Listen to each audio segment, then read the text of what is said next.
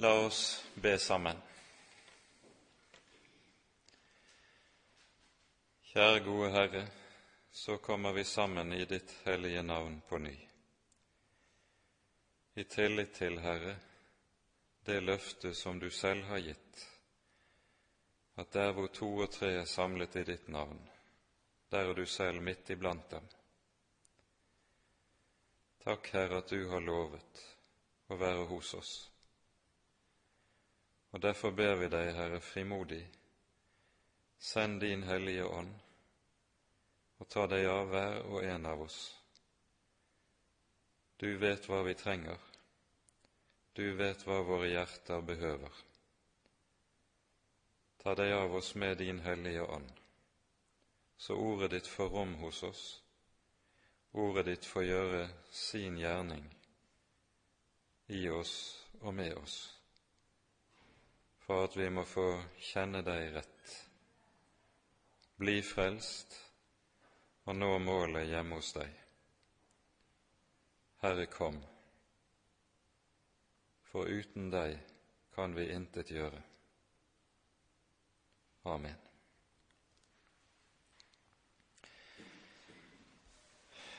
Vi skal altså i kveld tar for oss siste halvdelen av det sjette kapittelet i Romerbrevet. Og eh, denne delen av kapittel seks har det med seg at her hører vi apostelen dra konklusjonen av det vi har hørt i første halvdel av kapittelet, og gir den praktiske anvendelsen av det vi har hørt. Og Nå er jo poenget nettopp med det vi nå hører, at her finner vi så å si selve den grunnleggende kjerne i det som eh, vi kaller for formaninger i Bibelen. Eh, formaningene som eh, i Romerbrevet begynner med det tolvte kapittel i egentlig forstand, de har det, da det med seg at de kan ikke forstås rett uten at man skjønner rett det som vi har for oss, ganske særlig her i kapittel 6 og 7 og 8 i Romerbrevet. Uten det i minnet så vil formaningstalen meget fort ende opp i loviskhet og i trelldom. Og det kan ikke sterkt nok understrekes nettopp dette, at det å drive sterkt på formaningene, det er noe som i seg selv ikke kan virke eller skape helliggjørelse. Det er mange som tenker som så at skal det bli helliggjørelse, så må man nettopp være sterk i formaningene. Og det er sant nok at formaningene i Det nye testamentet er nødvendige. Det er jo derfor de står der. Men formaningene kan i seg selv ikke virke helliggjørelse. Det er det evangeliet som kan, og budskapet i Romane 6 handler om at evangeliet, det er akkurat som det er forutsetningen for rettferdiggjørelsen, så det er også forutsetningen for helliggjørelsen. I Romane 6 så lærer vi også meget tydelig at helliggjørelse handler ikke om at det gamle mennesket skal forbedres. Det handler i stedet om at gamle Adam må dø, og et nytt menneske skal vokse frem det skal stige opp av dåpens vann, slik som apostelen har talt om det i første halvdel av kapittelet. Slik at det som skjer i dåpen, er at vi der forenes med Jesus i hans død og i hans oppstandelse. Slik at det livet som det kristne livet dreier seg om, det er Kristi oppstandelsesliv som skal utfolde seg i en kristen. Dette får være nok som sammenfatning av det som vi har gått igjennom frem til nå. Nå leser vi videre fra vers 11 i kapittel 6, og vi leser sammenhengende helt ut kapittelet. Således skal også dere akte dere som døde for synden, men levende for Gud i Kristus Jesus. La derfor ikke synden herske i deres dødelige legeme, så dere lyder dets lyster. By heller ikke deres lemmer frem for synden som urettferdighetsvåpen, men by dere frem for Gud som de som av døde er blitt levende, og deres lemmer som rettferdighetsvåpen for Gud. For synden skal ikke herske over dere. Dere er jo ikke under loven, men under nåden. Hva da? Skal vi synde siden vi ikke er under loven, men under nåden? Unnskyld langt derifra. Vet dere ikke at når dere byr dere frem for noen som tjenere til lydighet, da er dere også tjenere under den som dere så lyder, enten det er under synden til død eller under lydigheten til rettferdighet. Men Gud være takk at dere vel har vært syndens tjenere, men nå av hjertet er blitt lydige mot den lærdomsform som dere er blitt overgitt til. Men idet dere er blitt frigjort fra synden, er dere trådt i rettferdighetens tjeneste. Jeg taler på menneskelig vis, for deres kjøds skrøpelighets skyld. For like som dere bør deres lemmer frem som tjenere for urenheten og urettferdigheten til urettferdighet, således by nå deres lemmer frem som tjenere for rettferdigheten til helliggjørelse. For den gang da dere var syndens tjenere, var dere fri fra rettferdigheten. Hva frukt hadde dere da den gang? slikt som dere nå skammer dere over, for utgangen på det er døden. Men nå, da dere er frigjort fra synden og er trådt i Guds tjeneste, har dere deres frukt til helliggjørelse og til utgang et evig liv. For den lønn som synden gir, er døden men Guds nådegave er evig liv i Kristus Jesus, vår Herre. Amen.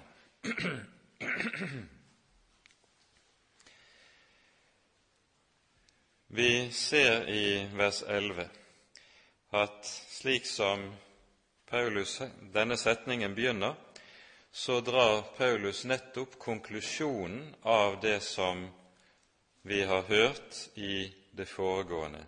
Således skal også dere akte dere som døde for synden, men levende for Gud i Kristus Jesus.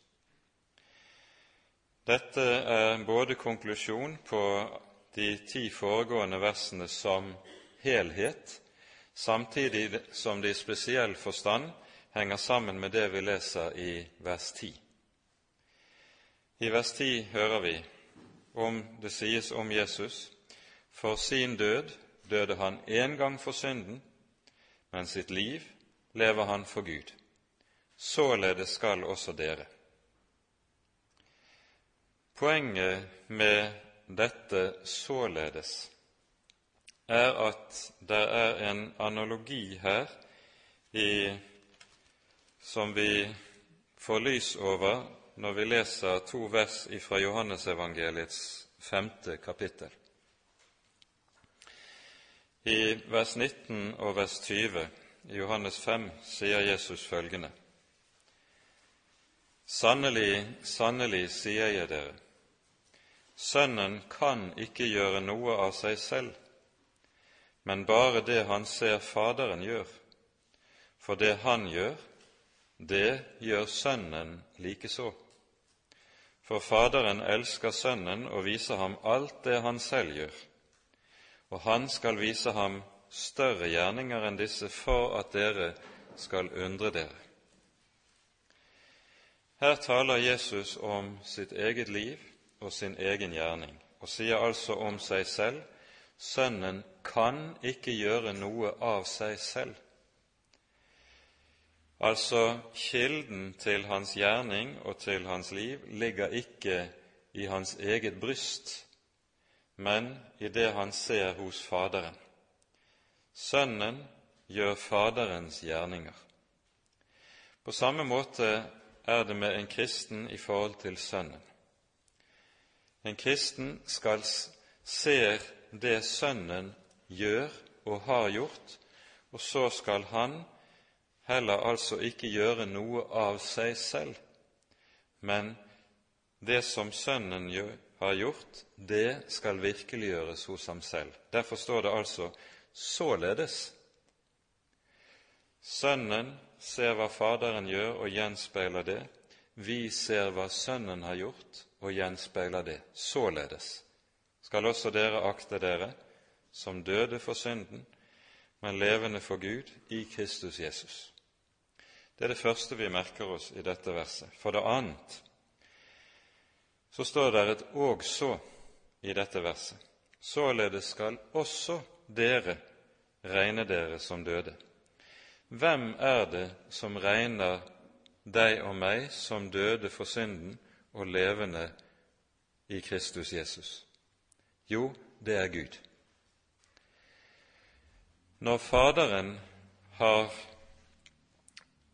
gitt sin hellige dåp, vi døpes til Kristi død og Kristi oppstandelse, så innebærer det at hvert kristent menneske forenes med Jesus.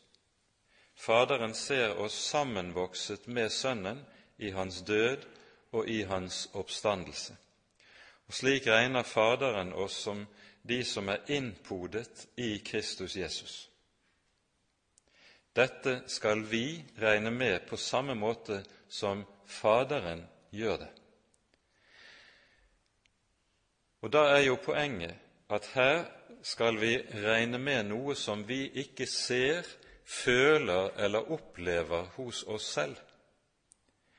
Her er det altså ikke noe som handler om erfaringsopplevelser, eh, der vi kan føle at dette er tilfellet. Tvert om så føler vi jo at synden er særdeles levende hos oss, og vi er ganske så levende i forhold til synden også, mens vi, når det gjelder vårt eget liv som kristne, slett, slett ikke føler oss som levende for Gud i Kristus. Dette føler vi ikke, dette ser vi ikke, dette opplever vi ikke. Men poenget er vi skal regne med dette som en virkelighet som Gud altså har utført med oss i dåpen, på tvers av hva vi ser og føler og opplever. Således skal dere regne dere som døde for synden, men levende for Gud i Kristus Jesus. Og Her er det jo viktig i dette verset at her anvendes det samme, ver samme verb som vi i kapittel fire hører anvendes i forbindelse med rettferdiggjørelsen. I kapittel 4 så står det sitert fra Første Moseboks 15. kapittel eh, i det tredje verset. Hva sier Skriften? Abraham trodde Gud, og det ble regnet ham til rettferdighet. Hvem er det som regner Abraham som rettferdig? Jo, det er Gud. Gud tilregner Abraham en rettferdighet som han ikke har i seg selv, som han ikke kan se i seg selv, ikke kan føle i sitt eget hjerte.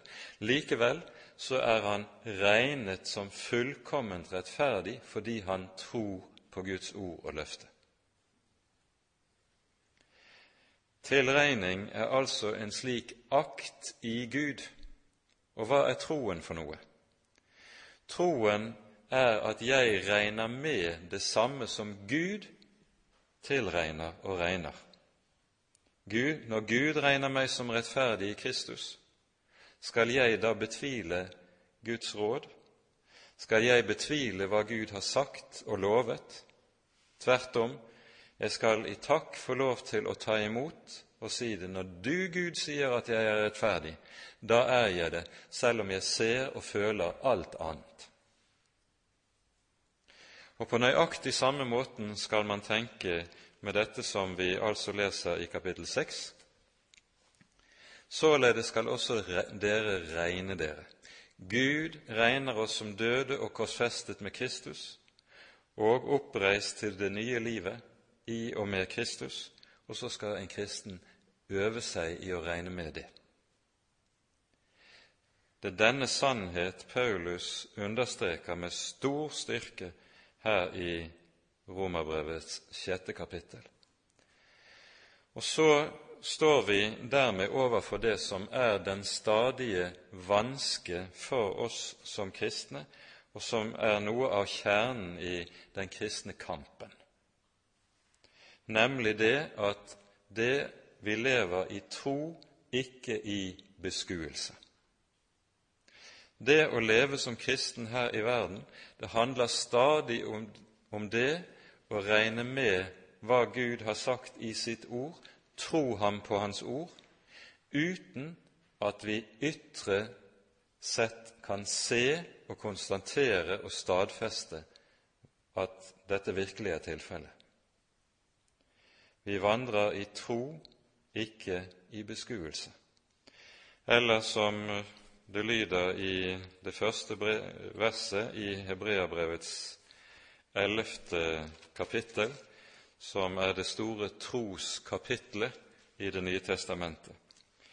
Tro er full visshet om det som håpes, overbevisning om ting som ikke sies. Merk det. Og Nettopp her er det altså en kristen stadig har sin kamp og sin strid, og her er det en kristen også ofte kommer i anfektelse. Fordi jeg ser jo noe helt annet med mine ytre øyne, opplever noe helt annet med mine følelser, og så sier Herren, tro er overbevisning om det som ikke sies. Her skal vi også kanskje minne om at det er jo en stadig fristelse for oss så lenge vi lever her i verden, at vi prøver å gjøre dette, synlig, dette usynlige til noe synlig. Det er det som man med Luther gjerne har kalt for herlighetsteologien. Herlighetsteologien den nøyer seg ikke med at vi har, må tro Gud på Hans ord. Man vil i stedet ha det ytre konstaterbart, og så ser man, tenker man slik at når man ytre sett ser noe som virker som det er rett, da må det være fra Gud. Herlighetsteologien tenker f.eks. at når Guds rike eller den kristne kirke i ytre forstand går frem, da er det også at Guds rike i ytre forstand går frem. Og så forveksler man lett ytre tall, store antall, med det som egentlig er av Gud. For Gud spør aldri etter tall, han spør etter helt andre ting. Vi lar oss dupere av det ytre. Romane 6,11 handler altså om at vi må øves i dette og tro Gud på Hans ord tro dette Guds løfte, således skal også dere regne dere som døde for synden, men levende for Gud i Kristus Jesus. Og merk, det står nettopp 'i Kristus Jesus'. Og Her minner vi igjennom et ord som vi har sitert tidligere, Kolossabrevet, kapittel 3, vers 1-3, som er uhyre betydningsfullt.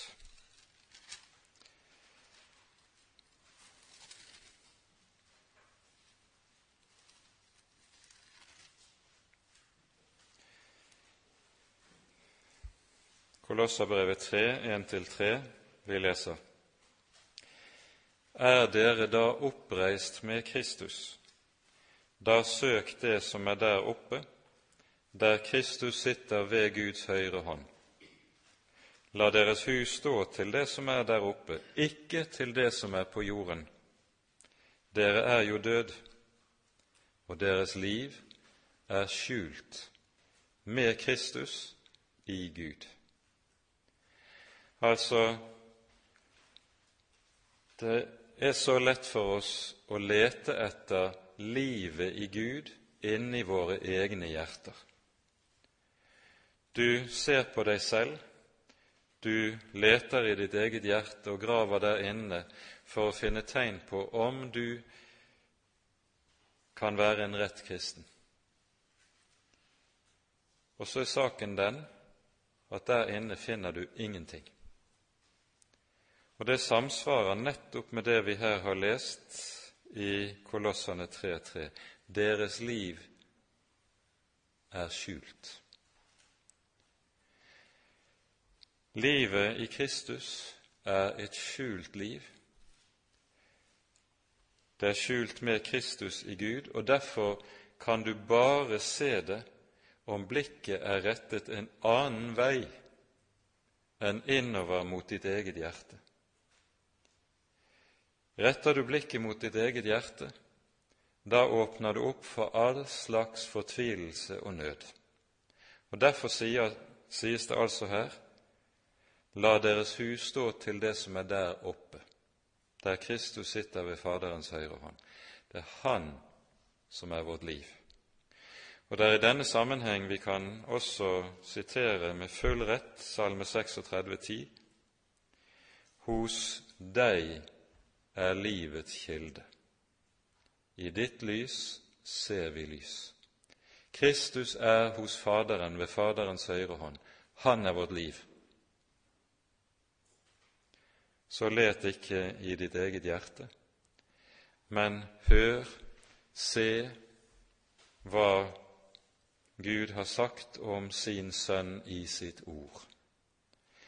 For det er ved å rette blikket på Ordet du også har blikket rettet oppad.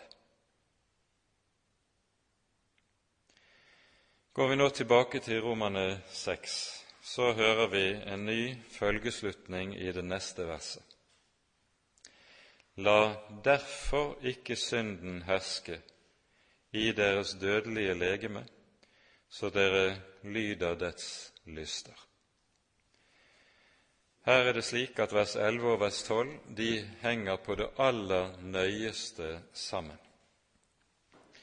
Vers 12 kommer til sin rett bare dersom vers 11 får lov til å stå der, at jeg lærer å regne med det som står i vers 11.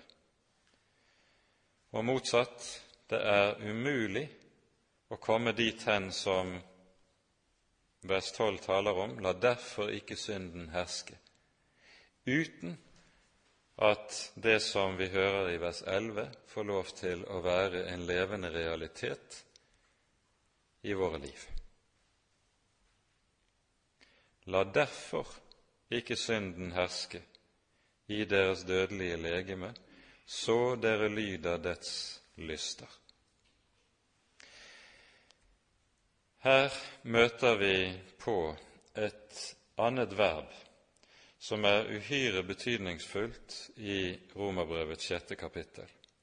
Vi møter det allerede i siste verset i kapittel fem. Her står det for at like som synden hersket ved døden, så skulle også nåden herske. Og så kommer det i vers 12 her nå i kapittel 6.: La derfor ikke synden herske. Hva er tankegangen når dette verbet anvendes?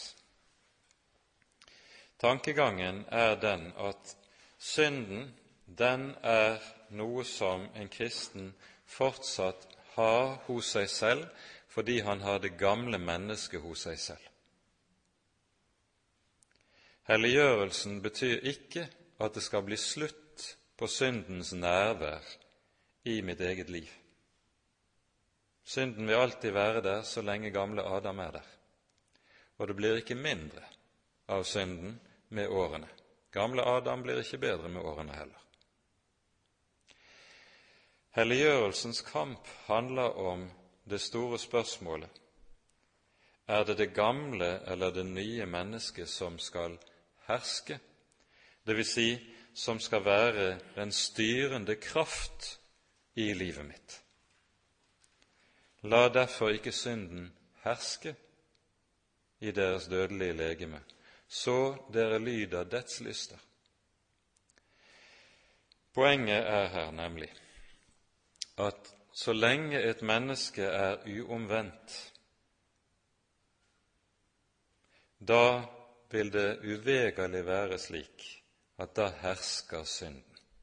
Jesus gir oss grunnloven for dette i Johannes 8. Hver den som gjør synd, er syndens trell.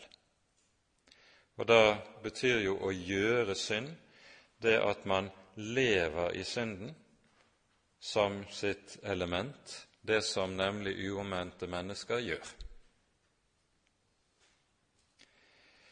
Men den som er kommet inn under nåden, lever i syndenes forlatelse, har fått lov til å møte Jesus og bli født på ny ved troen på ham. Hos ham er forholdet blitt ganske annerledes. Han trenger ikke lenger å være syndens trell. Han er fri fra syndens herredømme. Og Her er det jo vi møter noe av det som er selve det grunnleggende hovedinnhold i Romane 6. Mens kapittel 3-5 i Romerbrevet handler om at vi ved Kristus Jesus er frie fra syndens skyld, så taler Romerne 6, 7 og 8 om at vi ved evangeliet om Jesus også er fridd fra syndens herredømme, fra syndens makt. La derfor ikke synden herske i deres dødelige legeme, så dere lyder dets lyster. Den som er hos Jesus, han er fri for og frelst fra syndens herredømme. Og så lyder det i fortsettelsen, by heller ikke deres lemmer frem for synden som urettferdighetens våpen, men by dere frem for Gud som de som er døde, er blitt levende, og deres lemmer som rettferdighetsvåpen for Gud. Her tales det om noe helt konkret som hvert kristent menneske kan og skal gjøre. By dere frem for Gud.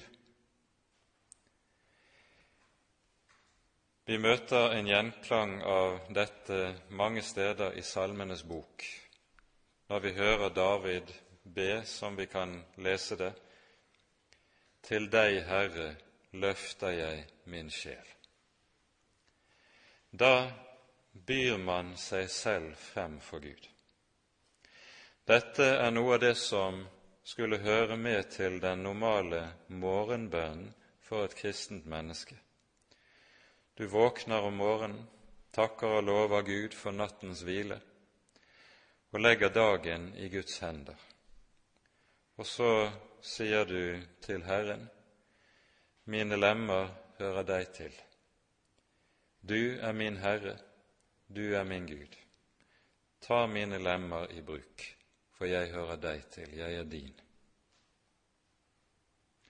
Til deg, Herre, løfter jeg min sjel. Det skulle være noe av den normale morgenbønn for hvert kristent menneske, og dette hjelper også til å sette hele dagen og det som ligger foran, med alt dagens dunt, i rett perspektiv. Og så kommer i vers 14 et vers som er overmåte betydningsfullt å merke seg.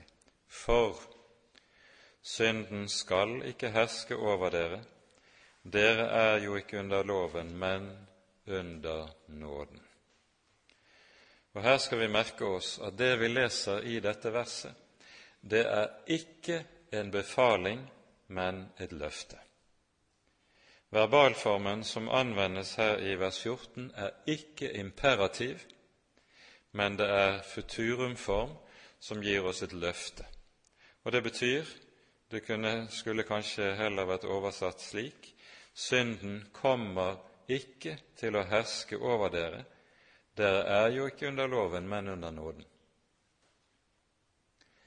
Det er altså et Guds løfte som er slik at den som handler om dette, den som er under nåden, han er også da fri fra syndens herredømme. Dette sier oss også at den som er under loven, umulig kan bli helliggjort.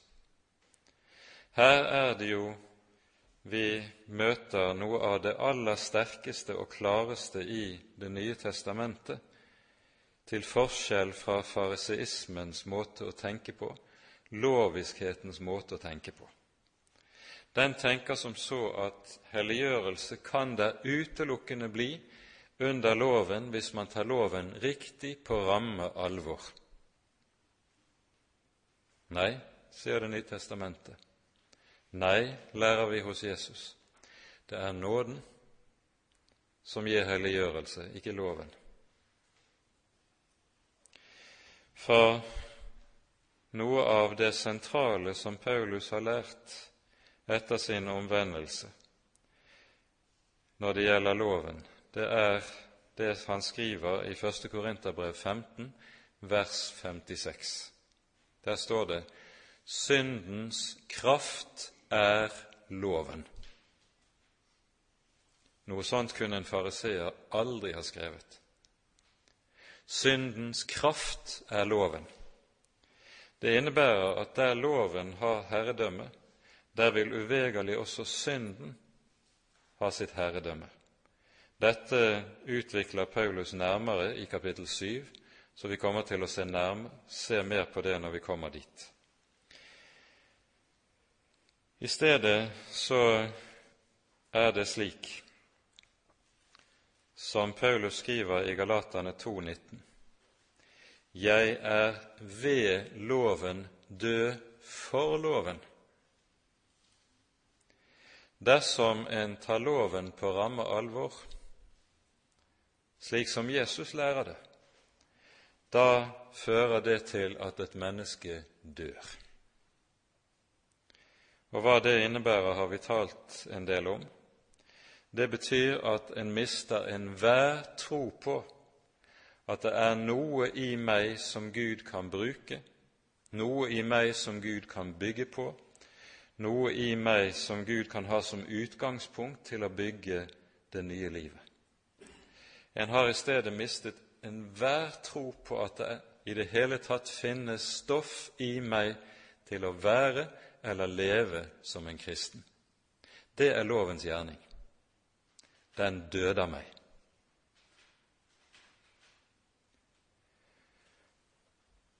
Under trykket av en slik erkjennelse så gir et menneske opp ethvert forsøk på selvforbedring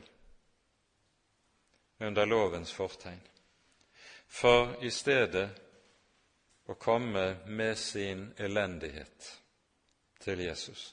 Gud vær meg synder nådig. Og så fører dette med seg den paradoksale sannhet som kirkefedrene også har skrevet meget om. Bare tilgitt synd er også synd som blir hatet. Tilgitt synd, det er synd som hates. For det nåden gjør der den får sin, gjøre sin rette gjerning med oss, det er at den så langt ifra å åpne opp for at synden skal få fritt frem, tvert om gjør at jeg hater synden. Jeg takker og lover Gud, som har fridd meg fra dette ved sin usigelige nåde. Fridd meg fra det som jeg er i meg selv. Og så står det der som et løfte. Synden skal jo ikke herske over dere. Dere er jo ikke under loven, men under nåden. Derfor er det altså slik, som vi har vært inne på i tidligere bibeltime, at den som er flittig til å bruke nådens midler, hos han er det også du vil se helliggjørelsen. Mens den som forsømmer nådens midler, han, hos han vil det ikke kunne skje noen helliggjørelse. Dette er sammenhengen i dette. Så fortsetter Paulus, vi leser videre fra vers 15. Synden Nei, hva skal vi da si? Skal vi synde siden vi ikke er under loven, men under nåden? Langt derifra. Han gjentar spørsmålet som vi tidligere har møtt i vers 1 i kapittelet.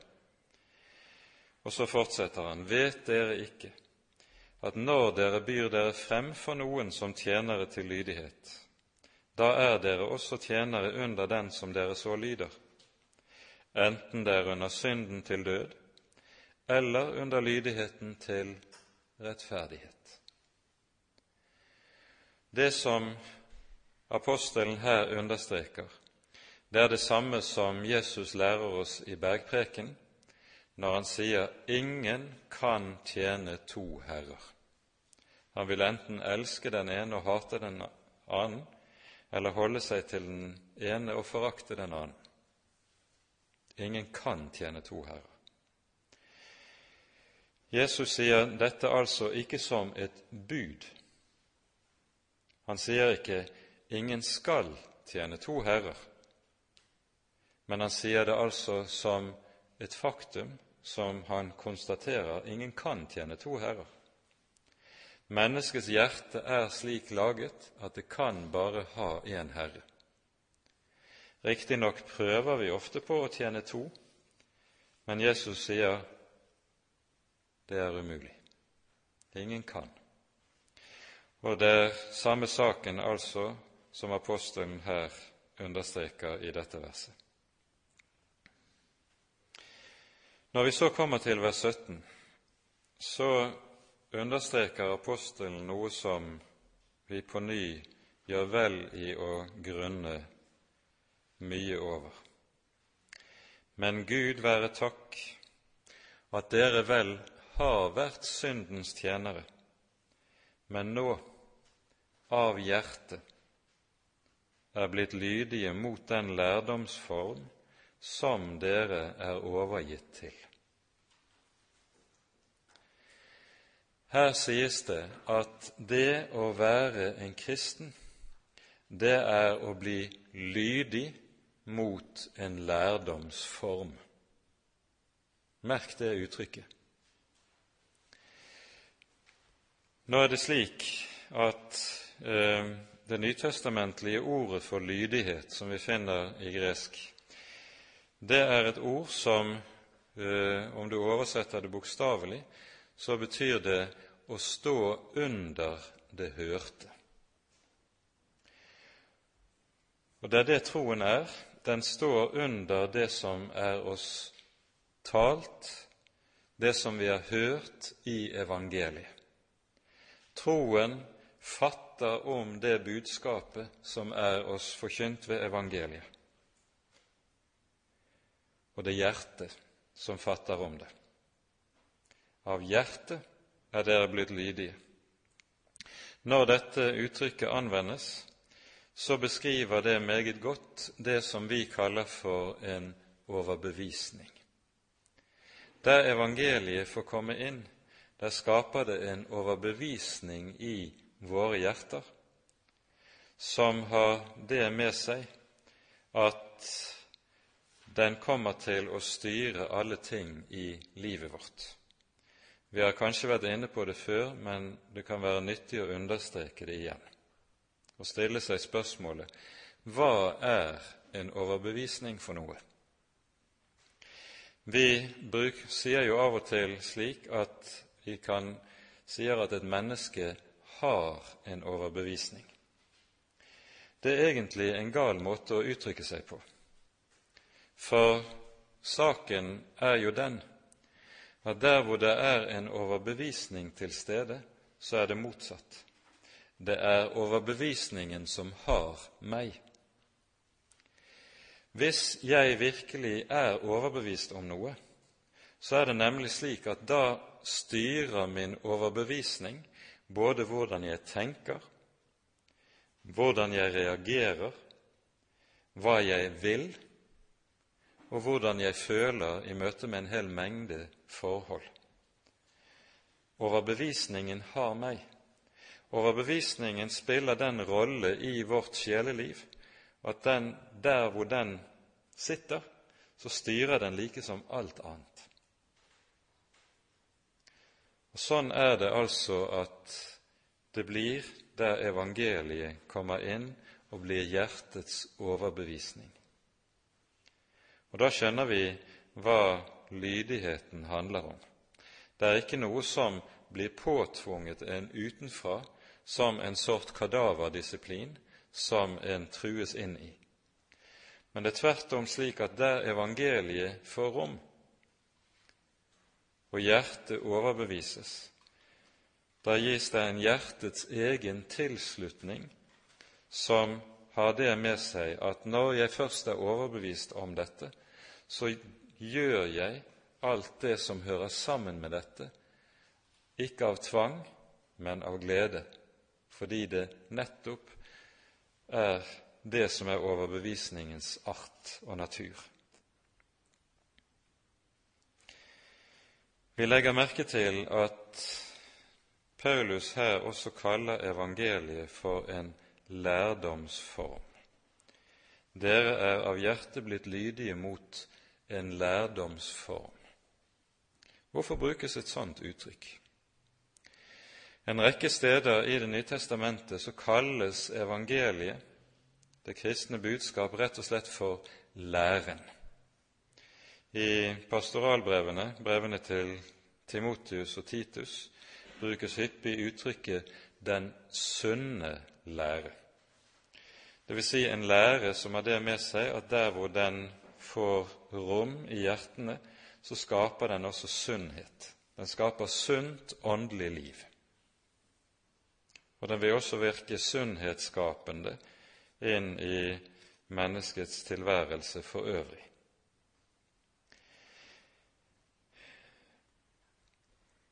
Når dette sies om evangeliet, så peker det på det fundamentale at til evangeliet hører alltid en definert lære. Det er tale om et bestemt lære- eller sannhetsinnhold som hjertet slutter seg til og omfatter. Det er ikke et hvilket som helst ord. Og Her er det noe som også er en avgjørende forskjell mellom loviskheten og evangelisk tro. Loviskheten vil stadig si er det så farlig med læren? Det er livet det kommer an på. En vil være så opptatt av ulike sider ved det som har med det praktiske kristenliv å gjøre, at en mener at diskusjoner om dogmatiske spissfindigheter det er meningsløst. Og Så bruker man dette uttrykket det er livet det kommer an på, ikke læren. Men evangeliet har tvert om det med seg, altså, at der betyr læren særdeles mye. Det er læren for det første om hvem Jesus Kristus er. Han er Gud kommet i kjød. Og der hvor denne sannhet fornektes, der vil det heller ikke være sant kristent liv. For det andre er det en lære som forteller oss at denne person, Gud kommet i kjød, han gir sitt eget liv til soning for menneskehetens synd og skyld på et kors. Og denne soningen, den er åpenbaringen av Guds egen kjærlighet til en fallen menneskehet. Slik at vil du se Guds kjærlighet, så må du se på dette kors. Du finner ikke Guds kjærlighet andre steder, men der er den åpenbart. Vi kunne fortsette å utmynte med hva det handler om, men det er altså dette bestemte sannhetsinnhold som her kalles læren, og som er den kristne tros egenart at den fatter om. Og Derfor kan troen heller aldri være likegyldig i forhold til læren. Troen må tvert om alltid reagere der hvor læren anfektes, hvor læren fordreies, forkvakles, eller mennesker gir seg til å justere på ting som er skrevet og gitt oss i Guds ord. Da taler Skriften om at det er nødvendig å kjempe for den tro som en gang for alle er overgitt til de hellige. Troen den lever nemlig av sannhet.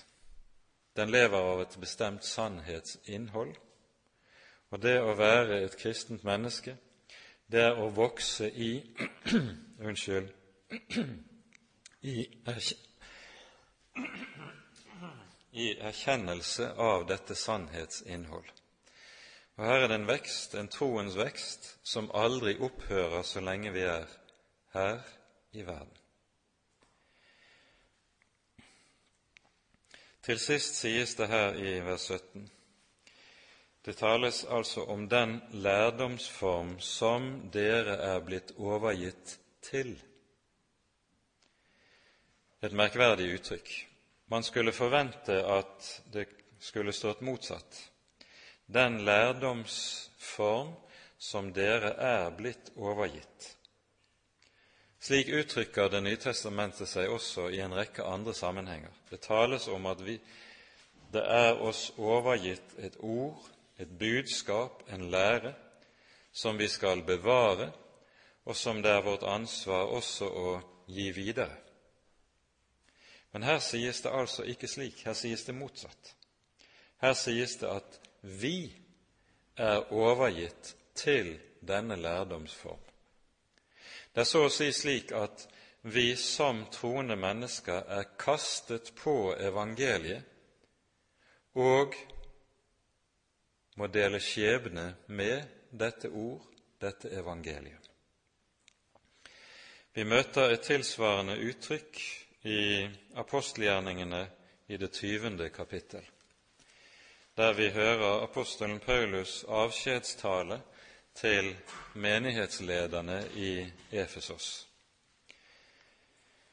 I denne avskjedstalen så taler han både om uh, at han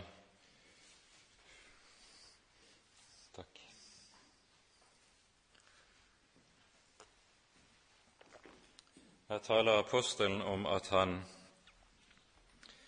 eh,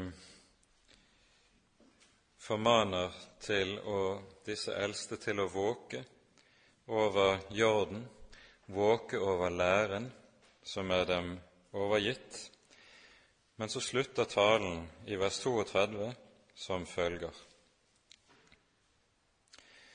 Nå overgir jeg dere til Gud og Hans nådes ord han som er mektig til å oppbygge dere og gi dere arvelodd blant alle dem som er helliget. Den kristne menighet, den er overgitt til Gud og Hans nådes ord. Det er våre vilkår her i verden. Og Det er vel verd å grunne over hva det innebærer. Vi rekker ikke mye å, si mye om det, men når det gjelder sammenhengen her i Romane 6, 17, når det sies at vi er blitt overgitt til en bestemt lærdomsform, så er tankegangen i Det nye testamentet her Dette er jo nemlig et passivverb. Hvem er det som har overgitt oss slik? Jo, det er Faderen. Jesus hører vi en rekke ganger, særlig i Johannesevangeliet, eh, når han ber til Faderen, så sier han at de som hører ham til, de er gitt ham av Faderen. I den ypperste prestelige bønnen i Johannes 17 så sier Jesus bl.a. slik om disiplene.: De var dine, og du ga meg dem. Altså, de hører Jesus til fordi Faderen har gitt dem til Sønnen. Og slik er det også for hvert menneske som blir et kristent menneske. Du blir ikke en kristen fordi du gir ditt liv til Jesus, men fordi Faderen gir deg som gave til sin sønn. Du er altså blitt en kristen som et resultat av noe Gud har gjort, ikke noe du selv har foretatt deg. De var dine, og du ga meg dem, sier Jesus. Og I det sjette kapittelet i Johannes evangeliet sier Jesus, Ingen kan komme til meg uten at Faderen drar ham. Altså det å bli et kristent menneske, det er noe som skjer ved Guds gjerning. Det er noe som en ikke kan gjøre av seg selv. Det er for så vidt samme sak som Luther også setter tydelige ord på i forklaringen til tredje trosartikkel, der det står sånn Jeg tror at jeg ikke av egen fornuft eller kraft kan tro på den Herre Jesus eller komme til ham. Men Den hellige ånd har kalt meg ved evangeliet, rettferdiggjort meg og helliggjort meg ved sine gaver, osv. Altså, det er Guds gjerning. Og det er dette som det altså er tale om i, her i vers 17 i Romane 6. Nå skal vi ganske kort bare se på et par eh, saker i de siste versene i kapittelet. Men idet dere er frigjort fra synden, er dere trådt i rettferdighetens tjeneste. Jeg taler på menneskelig vis, for deres kjøds skrøpelighets skyld, liksom dere bød deres lemmer frem som tjenere for urenheten og urettferdigheten. Der står det egentlig lovløsheten til urettferdighet. Således by nå deres lemmer frem, som tjenere for rettferdigheten, til helliggjørelse. Jeg vil bare kort bemerke til de ordene, to ordene som brukes her, urenhet og lovløshet. Vi møter jo en rekke steder i Det nye testamentet Eh, talen om urenhet i forbindelse med synd. Dette er et begrep som er hentet fra Det gamle testamentet og anvendes i Det gamle testamentet i forbindelse med det at et menneske skal tre frem i Herrens tempel i helligdommen. Dersom et menneske er urent av en eller annen grunn, så er det forhindret fra å tre frem for Gud i helligdommen. Altså urenhet stenger adgangen til Gud. Det er poenget. Og det er det begrepet som anvendes her, Her er det tale altså om hvordan synden gir og virker en urenhet som stenger adgang til Gud. En, renhet, en urenhet som et menneske kun kan renses fra ved Kristi blod. Urettferdighet eller lovløshet det er betegnelsen på det at et menneske lever bevisst i opposisjon mot Guds hellige bud. De vet hva, altså hva Gud sier i sine bud, og her taler vi først og fremst om de ti bud. De vet godt hva Gud sier og hva som er Guds vilje, og likevel så lever man bevisst i strid med og i opposisjon til dette. Og så sies det altså by deres lemmer frem som tjenere for rettferdigheten til helliggjørelse. Det at en slik byr seg frem for Gud og sier byr seg frem for Jesus og sier Du har kjøpt meg, jeg er din. Du er min Herre, jeg eier ikke lenger meg selv. Ta meg, du, anvend mine lemmer, du. Det fører til at et kristent menneske også blir brukt av Gud. Og i det ligger det en stor velsignelse og en stor gave. Men her skal vi kanskje i parentes også bemerke at det tales ofte i dagens kristenhet på en gal måte om det å bli brukt av Gud. For slik Det nye testamentet taler, så er det i sannhet slik at Gud bruker oss. Han bruker oss når vi er kommet til troen på Jesus og byr oss frem for ham. Men av og til så tales det om dette på en måte som sier Gud har bruk for oss.